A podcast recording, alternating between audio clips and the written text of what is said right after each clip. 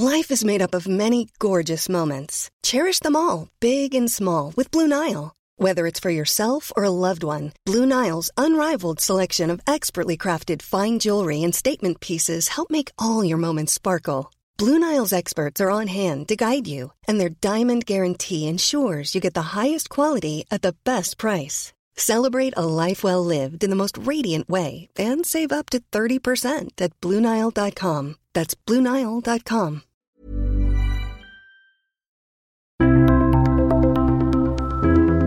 De siste årene har det vært veldig mye snakk om omstilling for norsk næringsliv.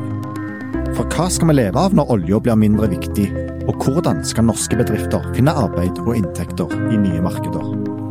Det er spørsmål mange prøver å finne svar på.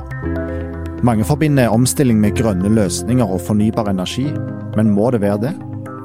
Det skal vi snakke om i denne episoden av Det vi lever av, som er en podkast fra Stavanger Aftenblad, Bergens Tidende og E24. Jeg heter Ola Myrseth, og nå har jeg med meg Kyrre Knutsen, som er sjeføkonom i SR-Bank. Velkommen, Kyrre. Eh, Tusen takk for det, Ola. Dagens tema har eh, utspring i en samtale meg og deg hadde for en stund siden. Vi snakker jo mye om omstilling og bedrifter som får arbeid i nye markeder, og ofte handler det om fornybar energi og grønne løsninger. Kanskje spesielt når det gjelder oljenæringen nå for tida. Men da vi snakket sammen den gangen, så presiserte du det at omstilling må ikke nødvendigvis handle om dette grønne. Og nettopp det skal vi snakke om i dag. Hvorfor er du opptatt av at omstilling ikke bare handler om grønne løsninger, for å bruke en veldig brei formulering? Jeg, jeg tror at for mange bedrifter så, så er jo omstilling eh, noe som skjer hele veien. Altså det kan være markeder i endring som som, som ikke blir definert innenfor eller utenfor grønne løsninger. Da. Altså, og en litt sånn rar ting som, som har vært i siste, er jo f.eks. at vannkraften i en sånn EUs klassifiseringssystem, taksonomien, kan komme til å ikke bli definert som grønt. Sånn at jeg tror at um, for mange så handler det om å selvfølgelig vært innenfor et rammeverk om at den endringen som de er på vei i, er liksom i bærekraftig retning, i litt sånn brei forstand. Men at det i en god stund sikkert vil være gråsoner om, liksom, om man er veldig grønt eller ikke veldig grønt. Vindkraft er jo kanskje et annet eksempel òg, der du ser at det er såpass mye um, I hvert fall vindkraft på land i Norge har vært, har vært såpass betent. Uh, ok, det er, en, det er, produksjon av grønn uh, vind, da, kan du si, eller, eller energi, men samtidig er det så mye rundt det som gjør at det blir utfordrende hvis du kun går innenfor det sporet, f.eks. For, for å gå over på en mer eh, fornybar energiproduksjon. Så, og så tenker jeg også at det er også en, en, del, en god del av næringslivet, hvis du tar det digitale, da, der det skjer veldig mye, er jo ikke åpenbart at det er alt er grønt, eller alt er ikke grønt. Det er Fifty Shades of Green eller Grey.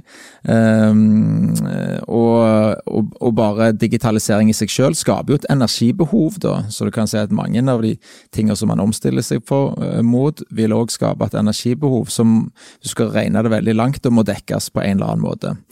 Um, det er òg noen sektorer som er veldig store og veldig viktige i omstilling. I Norge så er det kanskje aller viktigste hvis vi skal på en måte bli eh, Hvis vi skal øke produktiviteten, så har det vært veldig mye fokus på, som i en del år i hvert fall, eh, måten vi måler produktivitet på, gjør at det ser ikke ut som vi har blitt så veldig mye mer produktive de siste 10-20 årene. Um, men det er klart, det er innenfor offentlig sektor så må det jo skje mye for hvis Norge skal bli mer produktive, så må det antagelig skje ganske mye i hvordan offentlig sektor jobber. Eh, Serviceyrker òg. Og, og, og, det er en type omstilling som er veldig viktig, sant? for det at når vi nå etter hvert møter i, i, i, økende grad en eldrebølge, så må du få gode, hva skal si, gode tjenester til så mange som mulig. Um, og den omstillingen der, den er nok mange ikke som tenker sånn umiddelbart som en grønn eh, omstilling, men samtidig så er det en veldig viktig omstilling, fordi at det omfatter veldig mange etter hvert som begynner å bli eldre. Og eh, så må du ha nok hender til å gi disse gode tjenester. Så det er Omstilling bør, tror jeg, ha en sånn ganske sånn brei innretning, og så handler det òg noe om at det er eh, du, må, du må stimulere til brei nok omstilling sånn at òg Altså, det er vanskelig å plukke vinnere, da. sant? Så, og vi vet, jo hva, vi vet jo hva vi har hatt, vi vet, vi vet sånn, vi tror vi vet hva vi er gode på, og så vil omstilling normalt liksom skje i forlengelsen av det. Men så må du ha noen åpne bokser òg for at omstilling kan være noe helt annet. Altså, vi kan på en måte finne en ny olje, for å bruke det begrepet, som ikke visste eksisterte.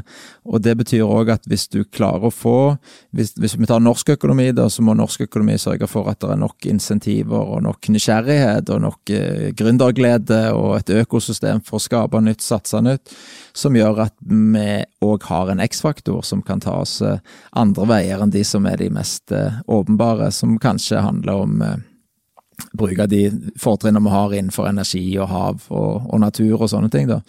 Så, um, og så tror jeg omstillinga framover, eller vekst framover, kommer til å handle om hvordan du, hvordan du, gjør det interessant for de unge, nye, flinke talentene. sant? Det er jo eh, for, hvert fall, for norsk økonomi så er det klart at der er det masse gode ting samla sett, men for en del regioner så blir det spennende å se hvordan man skal på en måte spille det spillet for å sørge for at du er attraktiv. for å få, Selv om du kan ha masse naturressurser, hvis du ikke har de flinke folka til å utnytte de, så er det ikke sikkert at det blir vekst og velstand i, i det området.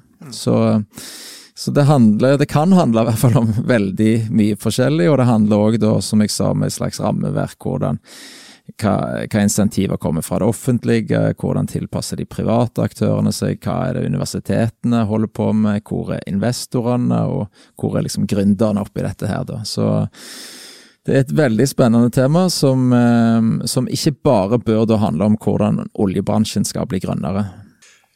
Du har vært litt inne på det nå, men, men har du noen konkrete uh, eksempler på, på, omstilling som ikke er grønt og fornybar energi, da? Det er klart at uh, hvis du bare ser over, over mange altså Hvis du bare strekker tidsaksen langt nok, så er det jo veldig mange gode eksempler på hvordan Eh, altså bare hvordan oljebransjen begynte.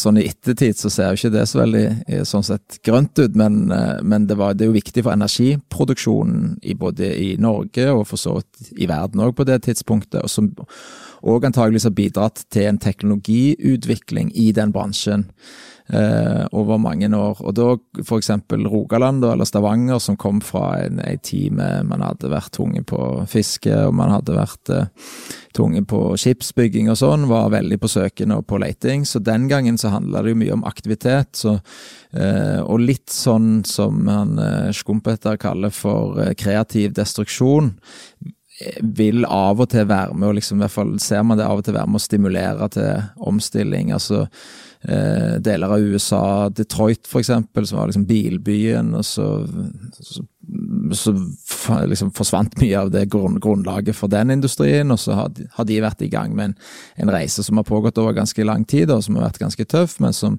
da, kommer noe omstilling ut av, nesten sånn per definisjon. Hvis ikke du klarer å omstille deg, så er det jo fordi at du eh, eller resultatet av omstilling kan jo ses av at det blir lavere befolkning, færre jobber og alt dette her, da. Um, altså, og andre typer omstilling som ikke er ja, det er jo litt sånn hvordan du, du definerer det, da. Men jeg, jeg prøver også å se på hvor er det hvor vi ser vekst nå. Um, for eksempel så har du liksom dette som går som nevnt med digitalisering, som ikke det er noe som åpenbart eh, er bra på mange områder, for du får skalafordeler, du får produsert mer med de samme ressursene. Altså hvis det, Facebook eller eh, Apple skal ha én ny bruker, så er det ikke sånn at det, Eller én million nye brukere eller én milliard nye brukere, så krever det ikke så mye ekstra arbeidsinnsats. Så akkurat den på en måte omstillingen, den bruken av tek teknologi, digitalisering, ikke helt åpenbart at det er så grønt. Så det, da, må liksom, da, må du i hvert fall regne liksom litt tilbake igjen til hva er det den erstatter.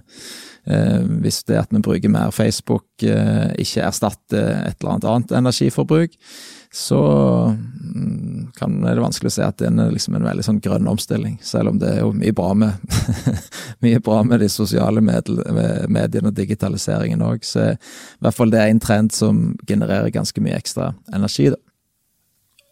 Dere i SR-Bank måler jo flere ganger i året status for næringslivet i Sør-Norge. Kan du si noe generelt om hvilke typer bedrifter som klarer å omstille seg, og hvem som sliter mer?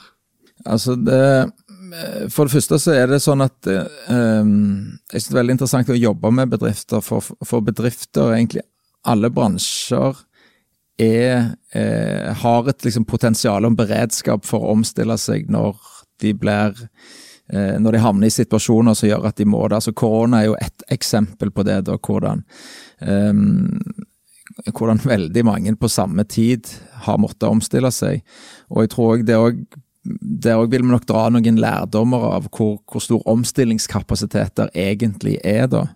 Um, hvis du tar offentlig sektor, som jeg snakket om, bare det med at um, skoler har begynt med digital undervisning, det, det, er sånn at rett før korona så var det helt, helt uaktuelt. Uh, for, for, et litt bredere lag, da.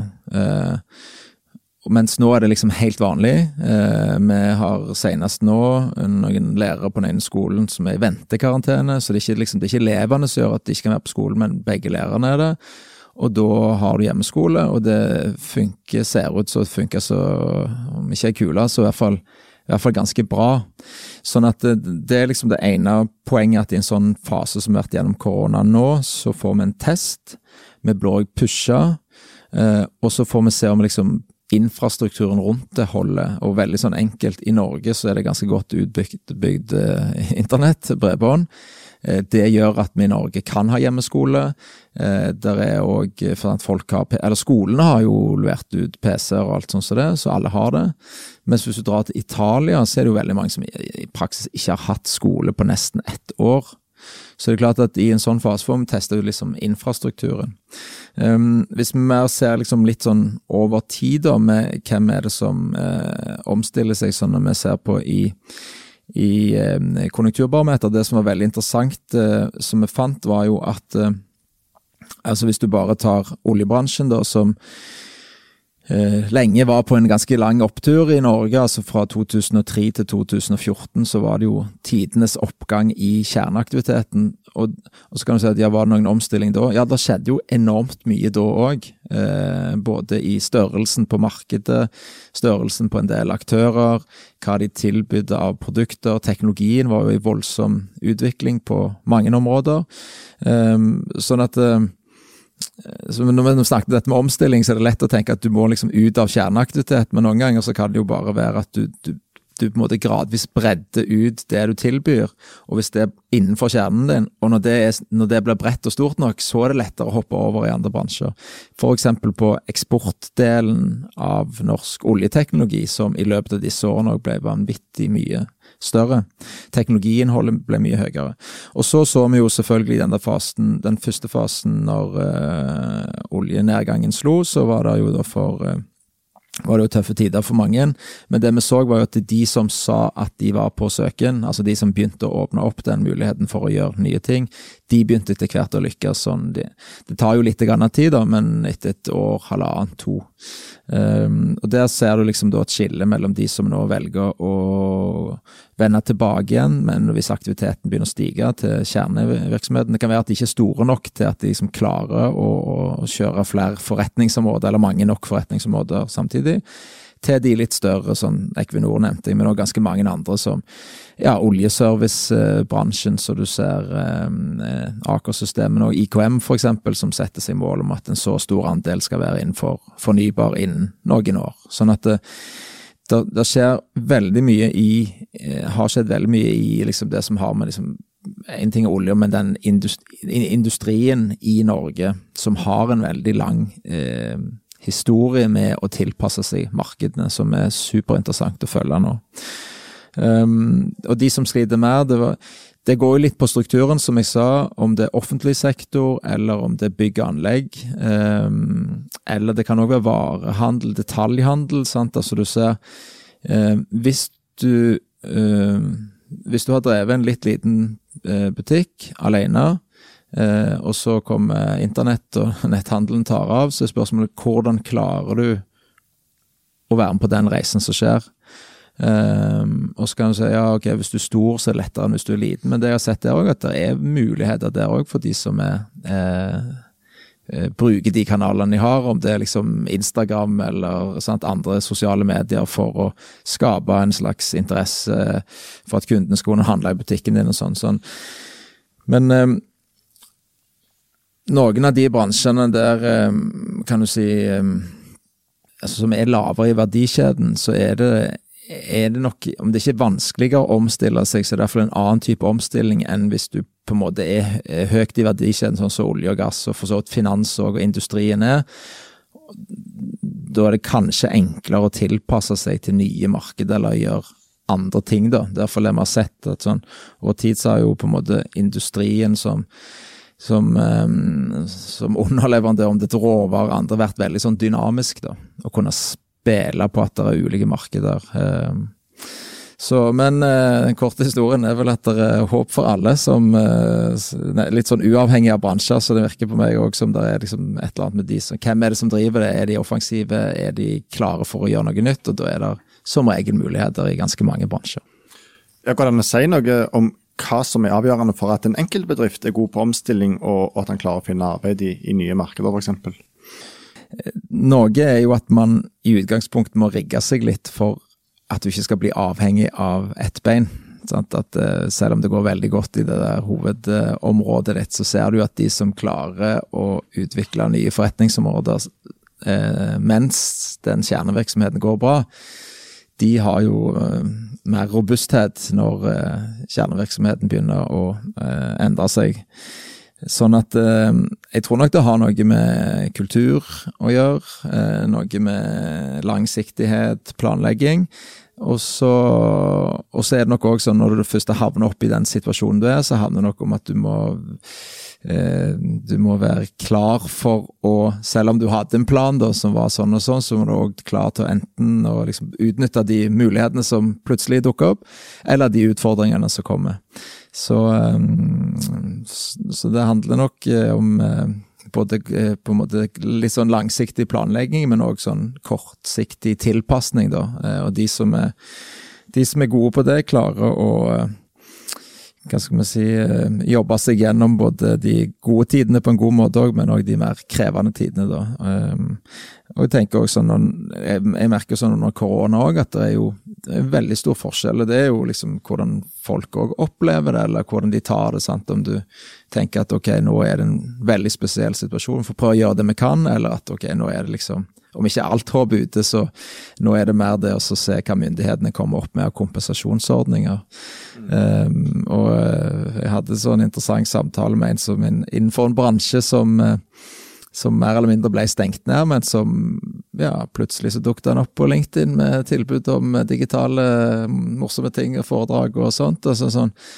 så det er liksom noe med å benytte de Selv om korona er superkjipt, så er liksom, det er jo i hvert fall en anledning til å gjøre noe helt annet. Og teste ut nye forretningsmodeller. Temaet omstilling det er jo òg eh, sentralt i den politiske debatten. Men den omstillingen som faktisk skjer ute i næringslivet, Kyrre, skyldes den politiske beslutninger eller forretningsmessige avgjørelser i den enkelte bedrift? Kommer det, kommer det ovenfra, eller kommer det nedenfra når det skjer endring? Nei, altså det er klart at omstillingen i, i, i hver bedrift skjer jo med utgangspunkt i at bedriftene legger en plan og en strategi, og, og, og de kan oppleve noen eh, sjokk skift som gjør at uh, strategien får en sånn mer sånn permanent endring. Hvis f.eks. en del av de selskapene som har stått midt oppi oljekrisen nå i nyere tid, men hvis du òg tar finanskrisen, jeg husker jo den ganske godt, den gjorde jo at man måtte Mange av de som sto oppi det, måtte tenke annerledes etterpå. Uh, blant annet i forhold til hvor mye liksom, likviditet, sant? hvor solid skal du være og sånne ting. Og hvis vi tar bank og finans, så ser vi at de, de, eh, næringene som er regulerte, der følges jo ofte dette opp, eller på en måte det går da eh, På samme tid så, så har regjeringen eh, eller myndighetene, da, de som regulerer bank og finans, har lagt vilkårene, kravene, strengere. Men det, mye av det tror jeg ville skjedd liksom, uansett. da. Men for noen bransjer så er det helt klart at uh, i hvert fall bank og finans, deler av oljebransjen, der er det ganske sånn sterke reguleringer som drar bransjen i en eller annen retning. da. Og, og i Norge så har vi jo på en måte høy tillit til myndighetene sånn uh, generelt.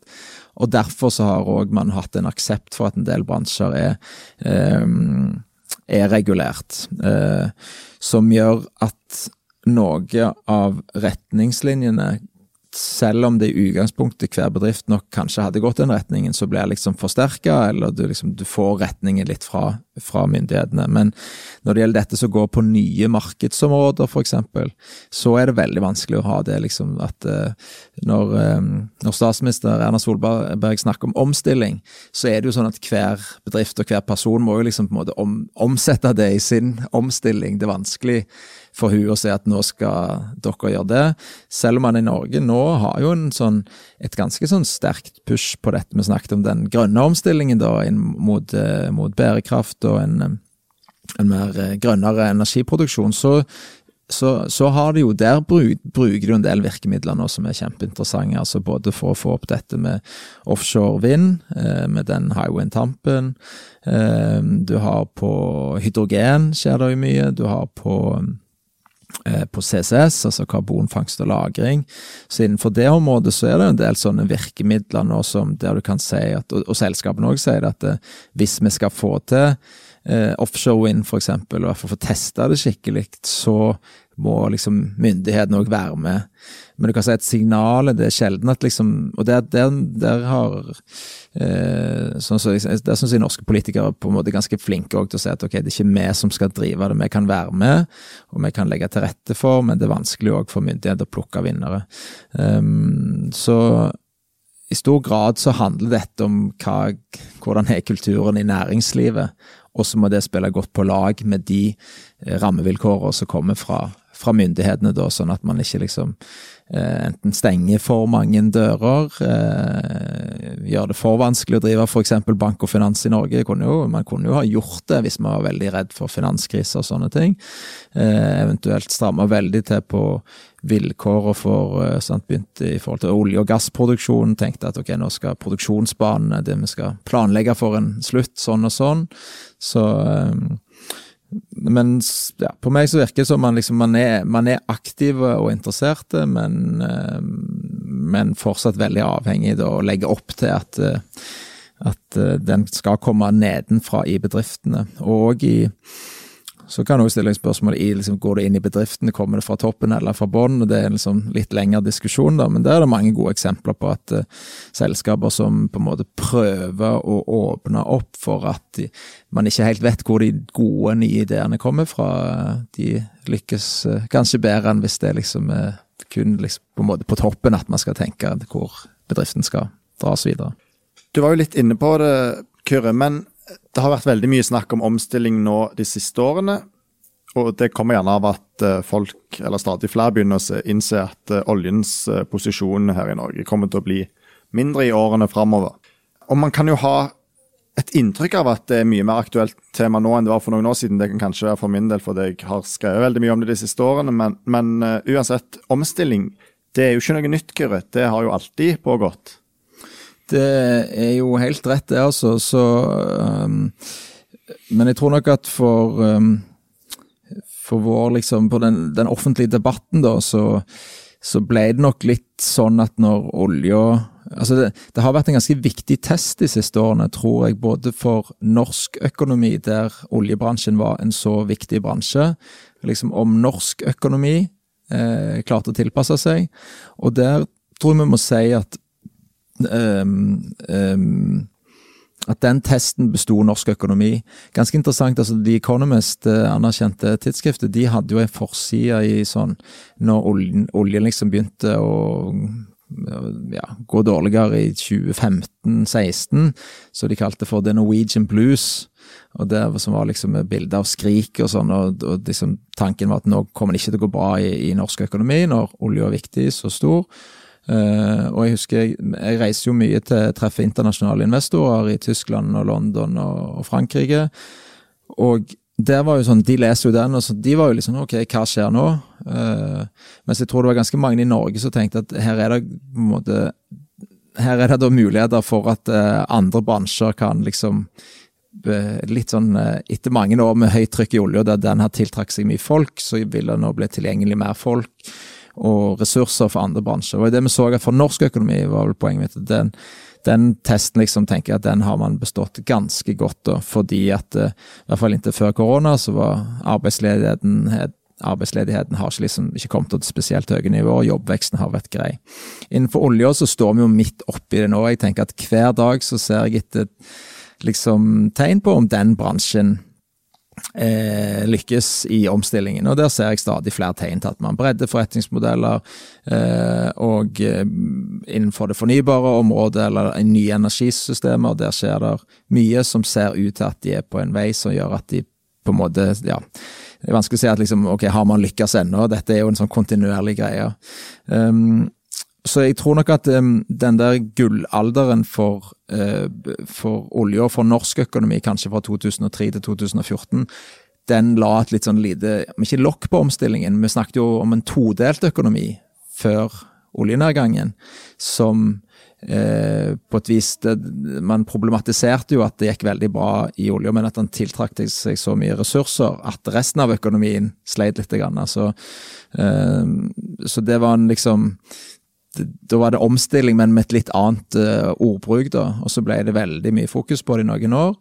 Og uh, jeg tror òg at når, siden bærekraft er så altomfattende og med Parisavtalen og gjort at liksom så mange er på en reise nå, så tror jeg at vi vil snakke om omstilling mer sånn løpende veldig lenge. For, og fordi at målene eh, altså det, det, er jo, det er jo en ganske stor utfordring vi står overfor, for å si det forsiktig, med, med omstilling til mer bærekraft. Men òg målene er såpass langt framme at du dette må du på en måte jobbe med over lang tid for å kunne si om du er i mål. Så det, det, det ble nok mer, eh, mer, vanlig de neste liksom, 15 årene enn, enn hva det var fra sånn 2005 til 2014-2015. Jeg tror vi begynner å nærme oss slutten her, jeg. men Kyrre, hva skal vi egentlig leve av etter olja? Nei, Vi skal eh, leve av uh, mye forskjellig. Jeg tror det viktigste er jo jakten på noe å leve av. Uh, at vi har en tro og en håp på at det er mer enn nok å ta tak i. Det er masse som vi kan lage som verden trenger. Um, vi har mye naturressurser som er, som er liksom et, et, av våre fortrinn. Og så har vi òg etter hvert en uh, veldig kompetent arbeidsstyrke og befolkning. I Norge så har vi òg et godt utdanningssystem, høy tillit, eh, velfungerende eh, rammeverk. Så jeg tenker vi har nokså gode forutsetninger, men det handler nok òg om å skape en ambisjon og en retning som gjør det interessant og attraktivt å komme her til.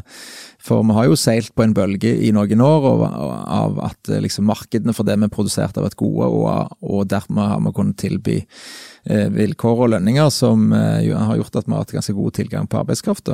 Så jeg tenker nå må vi for de neste liksom retningen framover må gjøre det, gjøre det spennende å være, både i Norge og for oss som sitter i Stavanger, som den tidligere oljebyen må vel bli en slags eh, enda mer energiby. Men som ikke liksom der det gamle henger for mye igjen, men at det er en eh, fremtidsretta og eh, hva skal vi si eh, lettbeint og bærekraftig by, og at norsk økonomi fortsetter den reisen som vi er inne på. Så jeg er liksom, ja, som du skjønner, så er jeg jo litt tilhenger av rett og slett at vi, vi at vi ja, setter en ambisjon som uh, gjør at uh, vi kan uh, bli noe som vi har lyst til å bli, og ikke bokse oss for mye inn i noe som vi har vært. Jeg tror det blir dagens siste ord. Takk for at du var med, Kyrre. Takk for det, Ola.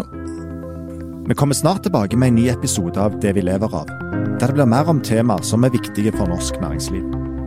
Imens tar vi gjerne imot innspill til temaer vi kan ta opp i podkasten. De kan du sende til ola.myrseth.aftenbladet.no.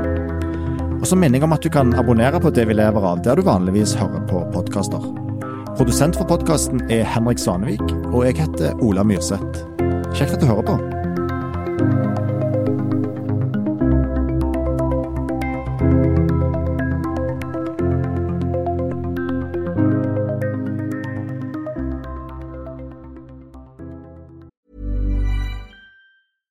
Getting engaged is a moment worth cherishing. A one of a kind ring that you design at Blue Nile can help your love sparkle. Just choose your diamond and setting. When you've found the one, you'll get it delivered right to your door. Finding the right engagement ring can be nerve wracking. At Blue Nile, you'll have the expert guidance needed and a diamond guarantee that ensures you're getting the highest quality at the best price. Cherish all of life's moments and save up to 30% at BlueNile.com. That's BlueNile.com.